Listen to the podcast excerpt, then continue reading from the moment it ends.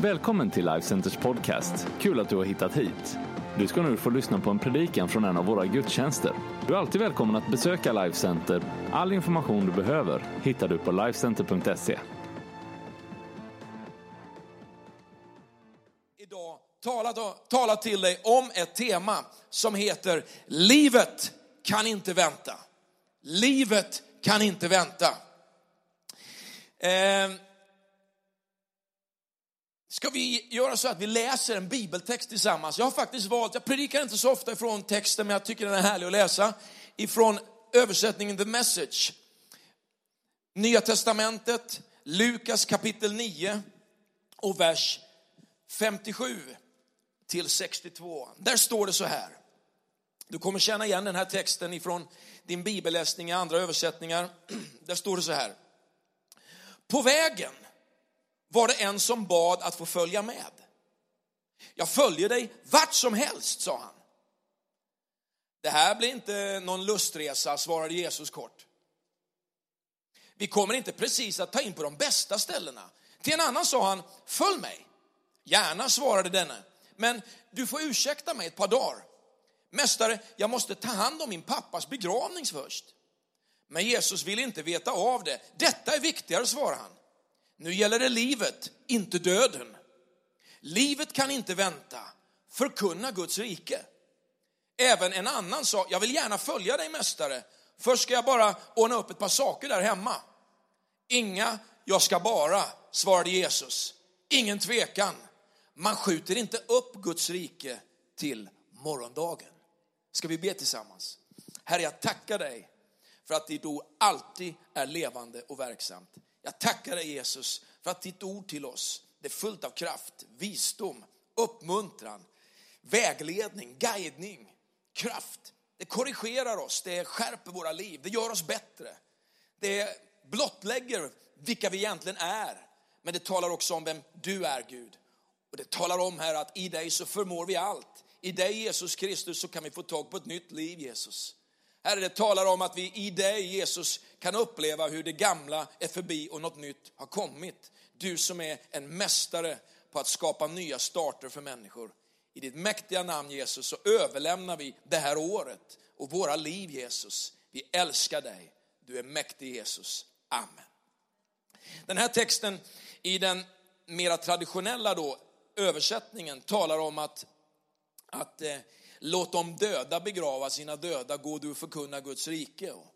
En annan säger att man ska ta farväl av de som är där hemma. Och Jesus säger då att den som, har sett, den som ser sig om efter att ha satt sin hand till plogen, han passar inte för Guds rike. Det kan låta lite hårt, lite tufft. Och jag ska utveckla det här lite idag därför att det finns lite förklaringar på varför Jesus säger exakt som han säger. Till exempel det här, men jag måste gå och få begrava min pappa. Min pappa, han eh, har varit pastor i 53 år. Jag vet inte om det är några av er som följer mig på Instagram, men igår var det faktiskt så här att Ulrika och jag och vår familj och mina syskon, vi hade liksom en, ett litet eh, farväl och ett litet avsked tillsammans med kyrkan uppe i Ludvika. Det är ju en historisk söndag idag. En historisk söndag där en församling som startade på 20-talet lämnar över ansvaret till Life Center. Jag är alltså nu deras pastor, jag är deras föreståndare. Våran styrelse här är deras styrelse och vi som kyrka smälter samman och blir rätt. Vi integreras. Det är jättehäftigt, det är jättespännande och det finns i detta enorma möjligheter om man tittar på Sverige.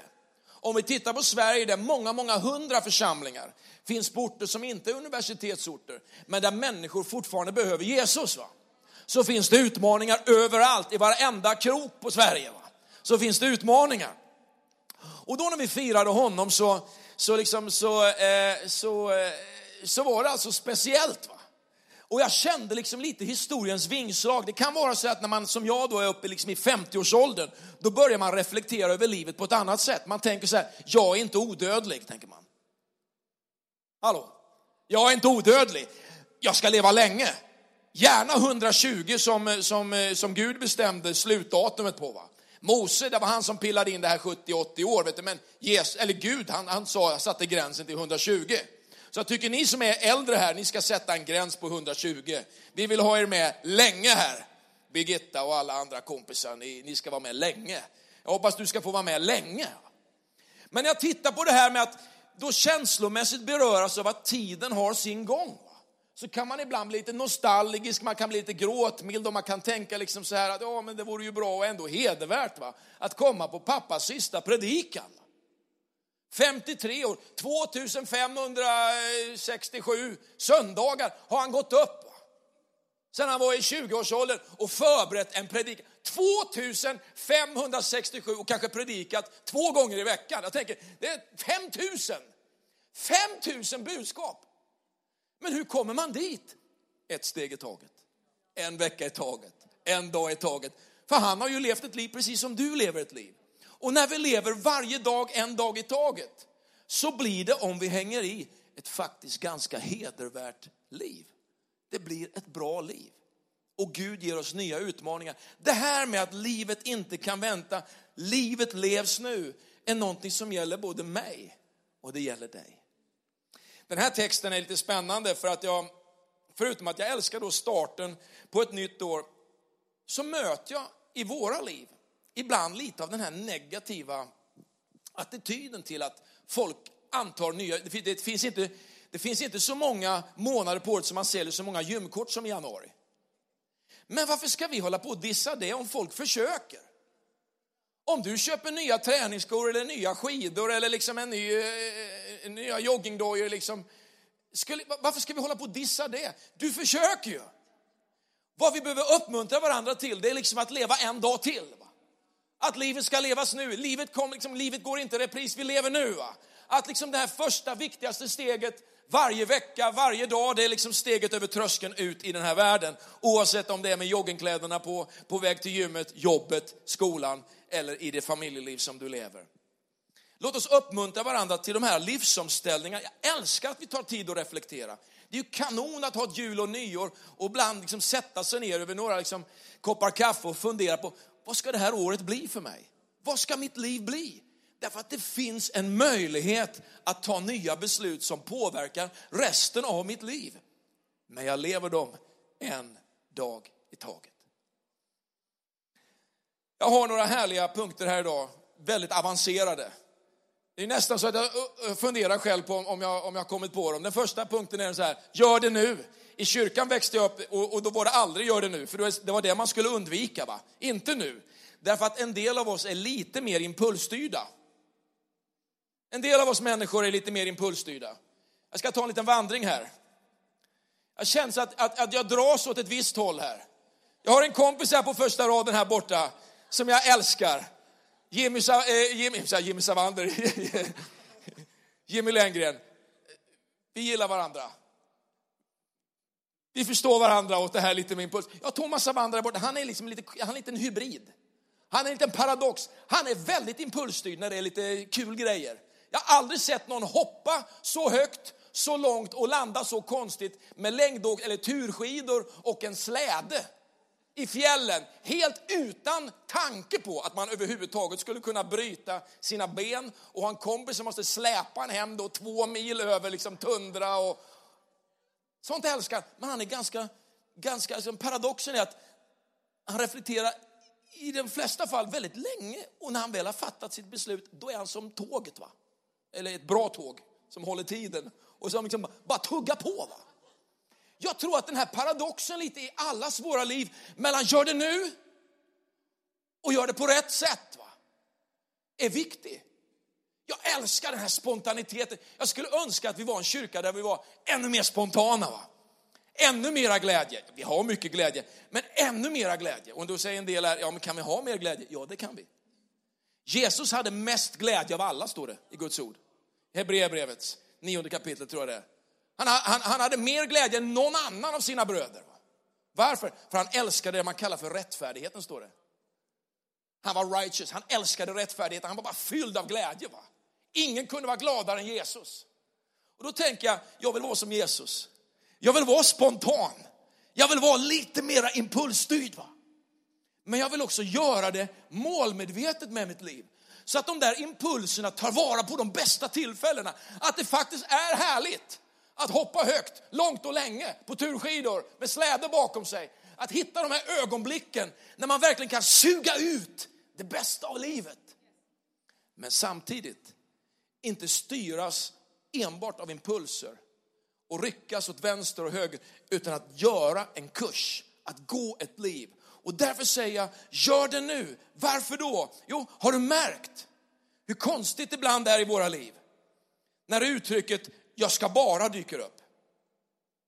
Det är som Alfons Åberg här, va? hans pappa. Va? Jag ska bara. När jag gick i skolan och man skulle plugga till ett prov, det var väldigt var många spännande saker som dök upp. Jag ska bara fixa lite mer med moppen här. Jag hinner. Jag ska bara, jag tar en runda golf. Jag ska bara repa, jag ska bara lyssna på den här plattan. Jag ska bara ringa Ulrika. Eller skicka flaskpost om det var på våran tid. Eh, jag ska bara. Kan du klippa gräset, sa farsan. Ja, jag ska bara. Märkligt att det alltid var städdag hemma i trädgården hos mina föräldrar med alla mina syskon. Stora hus, stora trädgårdar. Alltid de dagarna det var bäst grejer att göra någon annanstans. Det var alltid den tråkigaste semestern det var bäst hemma. Bland kompisar. Jag ska bara. Jag ska bara. Och många människor, de lever sitt liv i detta, jag ska bara.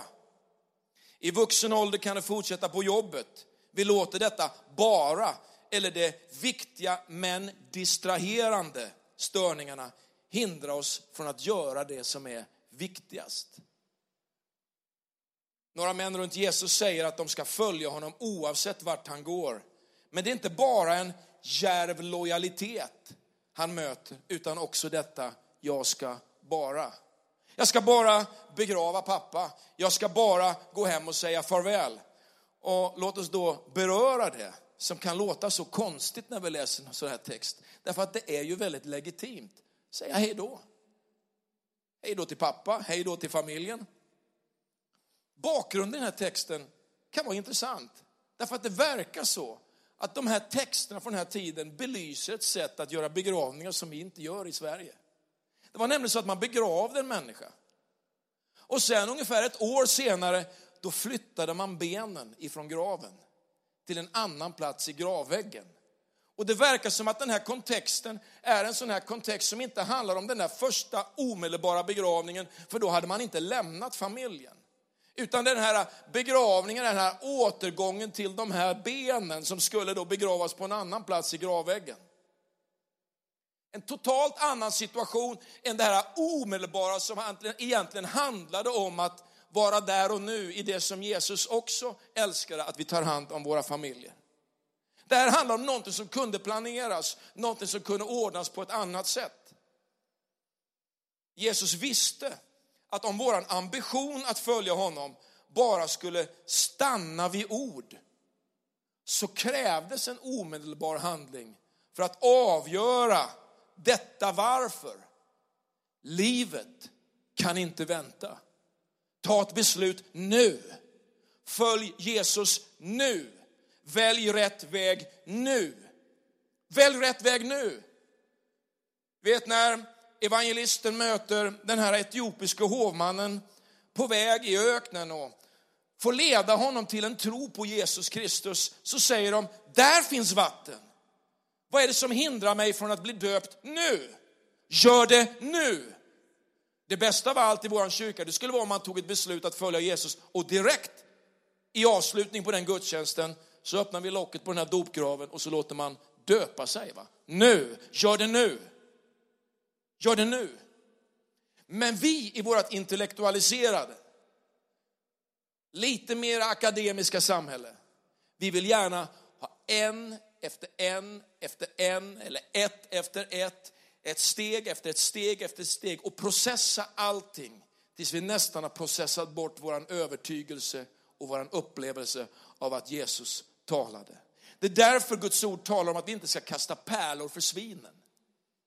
När du har mött Gud, när han har talat någonting till dig, så är det någonting dyrbart. Det är ingenting du går ut på Instagram med. Det är inget du facebookar bort. Det är ingenting du ringer runt liksom till tio olika människor och säger, låt mig bara berätta om alla de här grejerna.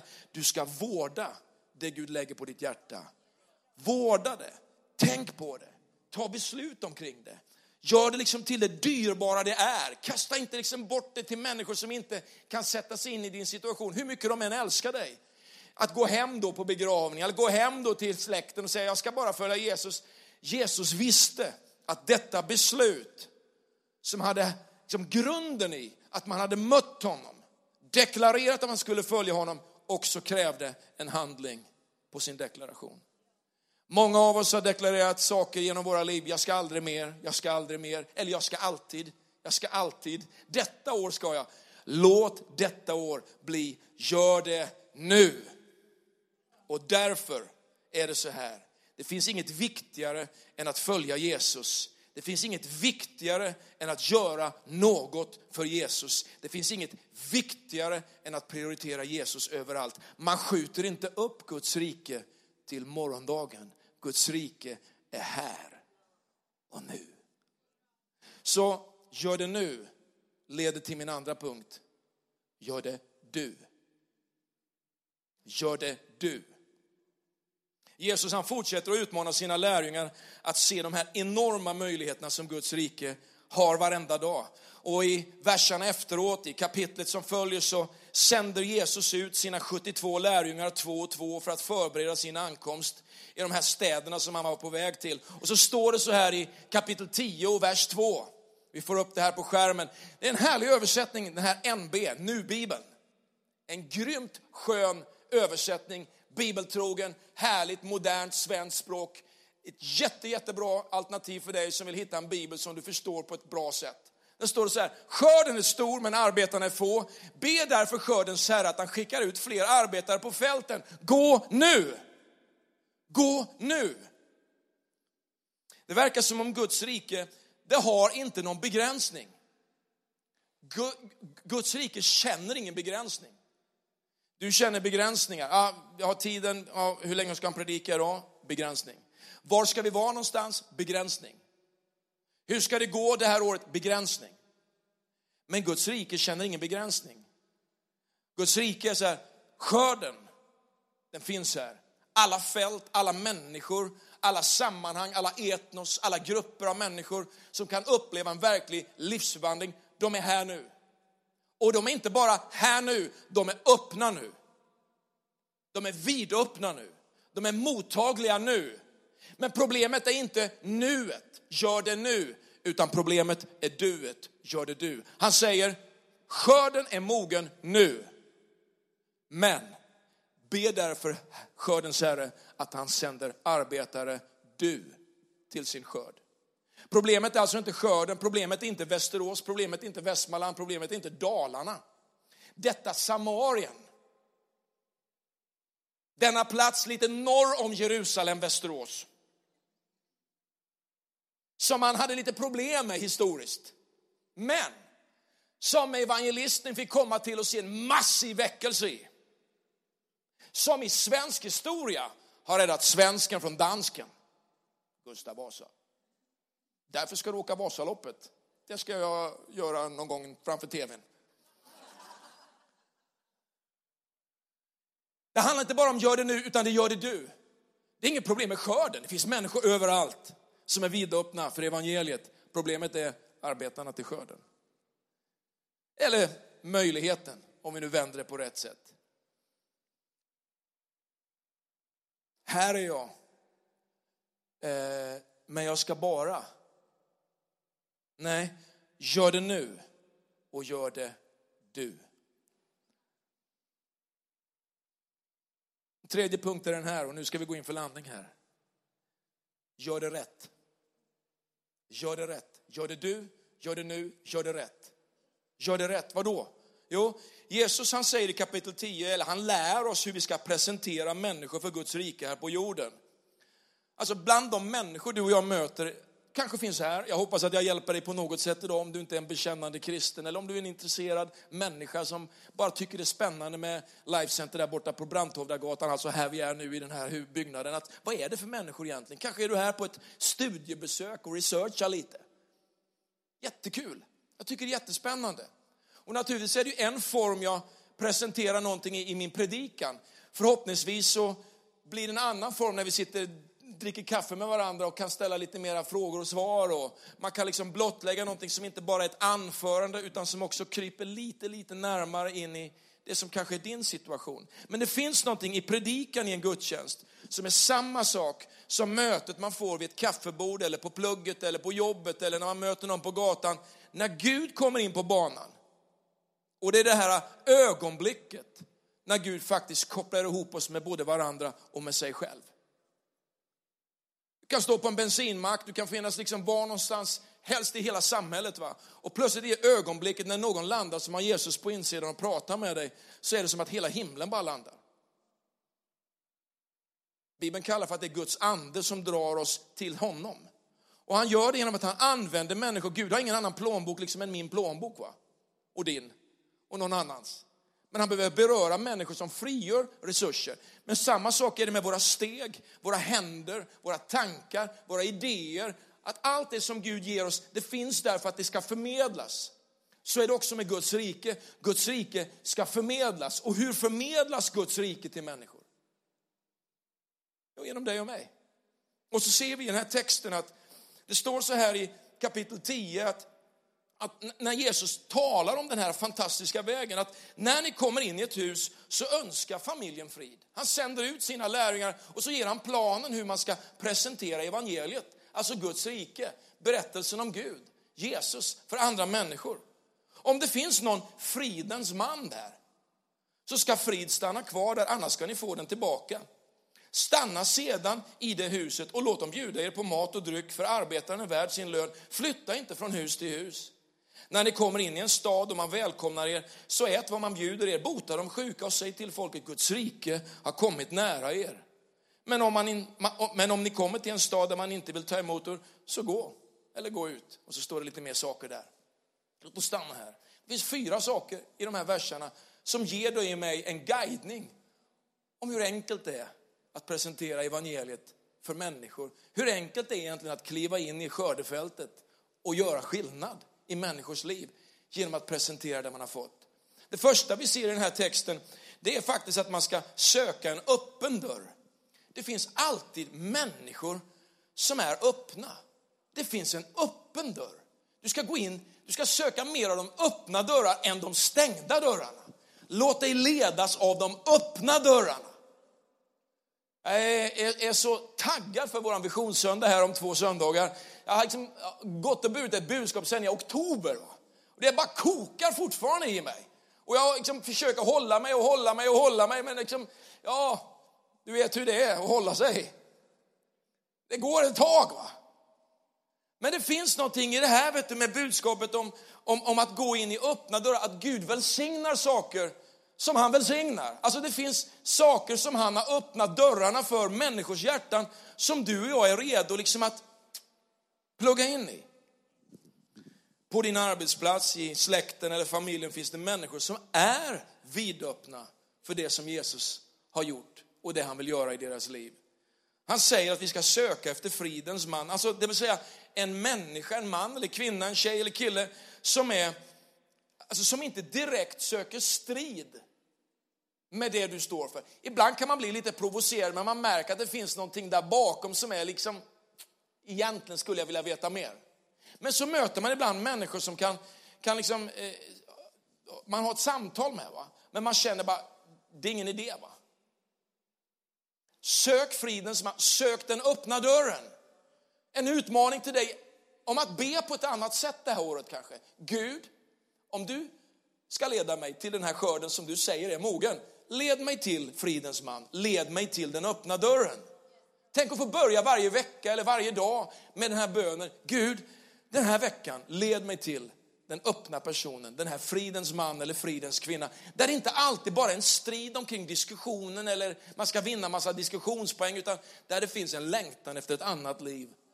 Det finns människor, tusentals människor i den här staden det finns tiotusentals människor i vårt län, det finns hundratusentals människor i Sverige som just nu är vidöppna för att någon presenterar Jesus Kristus för dem.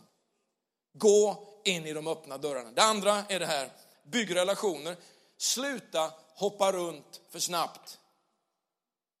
Hoppa inte runt i relationsbygget med människor allt för snabbt. Och vad menar jag med det? Jo, när man presenterar Jesus är det ett uppdrag som eh, kommer att ta lite tid ibland. Det är inte en evig parkering att presentera Guds rike för människor. Ibland får man ett ögonblick, man ska ta det. Men, men det är inte alltid evighetsprojekt att hålla bara på och mata ner någonting. Utan det handlar om att det finns ett lugn i den här presentationen som vi behöver söka. Hoppa inte runt för mycket. Vi är inte här för att prestera ett kryss i en ruta. Att vi har varit duktiga kristna och presenterat Jesus för andra. Utan vi är här för att bygga relationer för livet. Relationer som, som kan hjälpa både människor och oss själva för livet. Bygg relationer som håller. En människa som, som, liksom, som, som är öppen för det du gör är någonting helt fantastiskt. Men det är också någonting som bygger på ett förtroende. Bygg relationer. Väldigt komplicerat, väldigt svårt, väldigt intellektuellt, eller hur? Nummer tre. Dela med dig av det Jesus gett dig. Det stod i texten så här, ät vad man bjuder på. Bota de sjuka och säg till folket Guds rike är här. Alltså, mer av en måltidsgemenskap. Du behöver äta mer mat. Fint att säga efter jul och nyår, eller hur?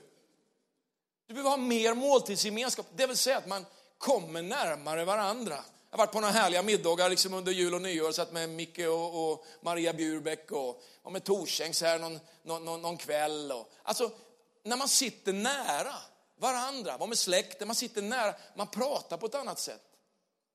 Att inte bara mötas i vimlet, att få sitta nära och prata om livet. Ha mera måltidsgemenskap. Liksom väldigt, väldigt praktiskt tips för dig det här året. Ja, men jag ska ha en middag i månaden med någon som inte liksom, eh, känner Jesus. En middag, en lunch, en kaffe, en fika. En, eh, vi gör någonting tillsammans som makar eller som connectgrupp eller kompisar med några människor. Konkret handling, mera måltidsgemenskap. Det andra är mer av en frimodig bön. Det står så här, bota de sjuka. Bota de sjuka. Jag mötte en man igår, eh, han, hela hans kropp är förstörd av skelettcancer och han har fått en fraktur på höften på grund av sin cancer. Och jag har liksom en annan kompis som också är bärare av, av samma skelettcancer fast liksom på, på ett lite, lite annorlunda sätt. Men, men direkt när jag mötte honom igår så kände jag bara, bara be. Och i ögonblicket bara, i Jesu namn.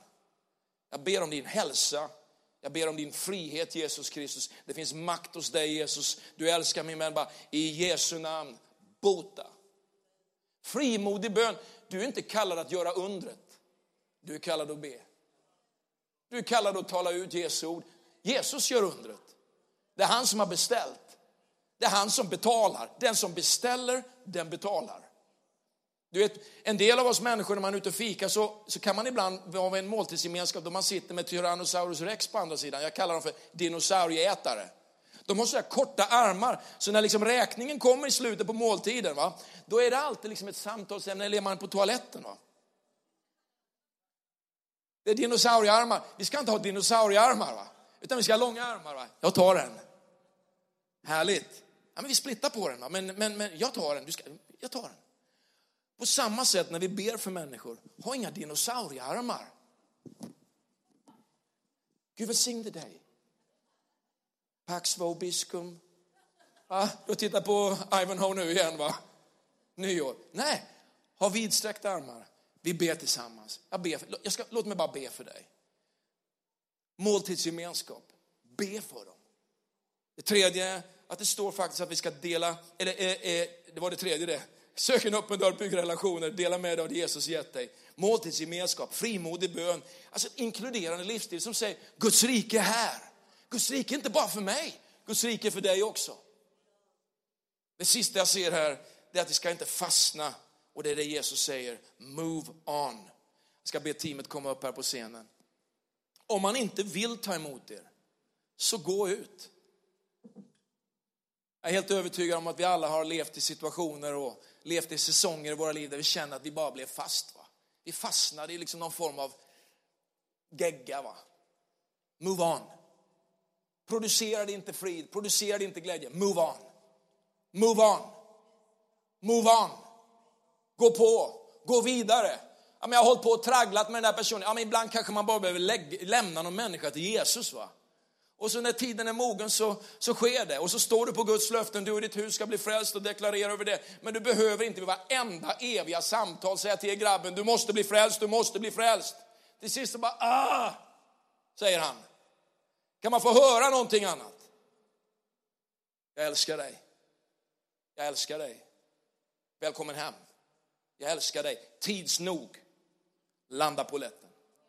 Tids nog, landa på lätten. Du och ditt hus ska bli frälst. Men ibland behöver man bara move on. Fastna inte bitterhet, fastna inte i låsningar, fastna inte i dina minnen, fastna inte liksom i det som har gått snett. Move on. Det finns någonting underbart för dig 2018. Ska vi ställa oss upp allesammans?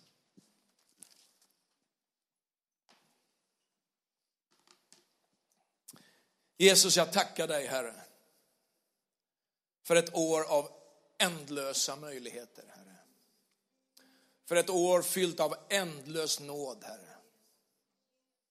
För ett år fyllt av ändlös kraft från dig. Herre, jag tackar dig Herre för att i våran svaghet så kan vi komma till dig och förstå Herre att du kan göra vad som helst med vem som helst. Jag ber för den kraftlöse idag Herre. Jag ber att du ska fylla den personen med mer av din kraft.